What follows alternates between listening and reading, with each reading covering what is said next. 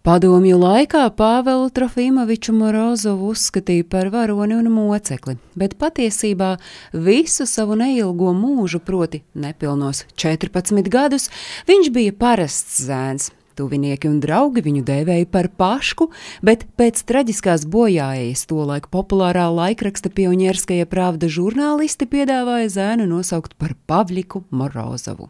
Un ar šo vārdu viņš arī ir iegājis ne tikai padomju, bet arī visas pasaules vēsturē kā pirmais pionieris varonis, kurš mīris idejas vārdā un cēla mērķa labad nav žēlojis ne savus vecākus, ne pats savu dzīvību.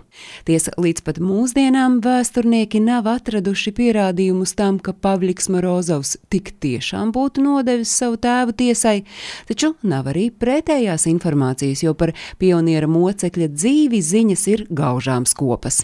Neapšaubāms gan ir fakts, ka zēna tēvs bijis ciema padomis priekšsēdētājs un kaismīgs komunistu atbalstītājs, kurš paklusītēm pamanījies izpalīdzēt bijušajiem budžiem.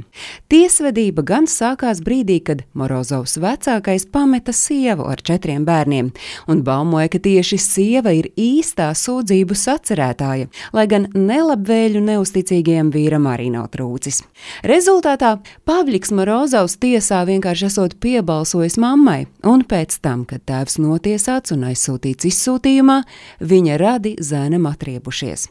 Proti, radinieki no tēva puses - vectēvs un vecākais brālēns novaktējuši Pavliku un viņa jaunāko brāli Fjodoru mežā, un abus puikas vienkārši nodūruši.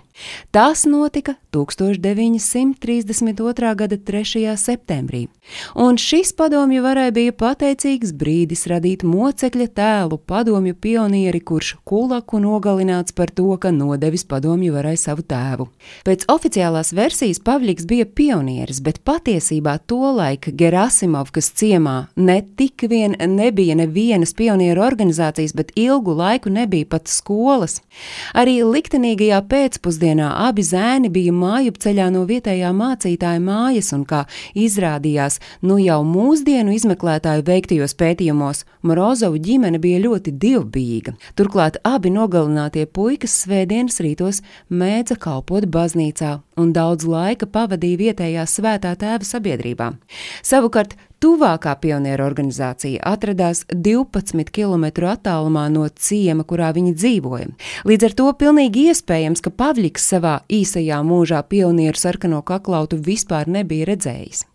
Un ir vēl viena Pāvela nāves versija, kas vēsta, ka valsts drošības komiteja cīņā pret buģiem izmantoja bērnus, sarīkojot dažas paraugprāvas, un ka tieši viņi Pavlikam un Fjodoram piedāvājuši uzrakstīt slepenu sūdzību par saviem radiniekiem. Bet, kad puikas atteikušies un izstāstījuši par notikušo vietējiem mācītājiem, Pāvelu un Fjodoru atrada mirušus mežā, tāpēc viņu nāve iespējams gulstas uz drošības dienesta darbinieku pleciem. Vēsturnieki gan ir vienojušies, ka puikas bija vienīgi sava laika un ideju upuri. Zīmīgi, ka absolūti nevainīgā astoņus gadus vecā Fjodora Morozova nāve, kuru nogalināja rezervu brāli, tikpat kā netiek pieminēta. Tikmēr lielākā ieguvēja no šīs ģimenes traģēdijas bija nogalināto zēnu māte, kurai kā cietējai partija piešķīra dzīvokli. Ilgus gadus viņa braukāja pa plašo padomju zemi un skolās tiekoties ar pionieriem, stāstīja par sava dēliņa varoņdarbu. Stāstīja Agnese Drunka.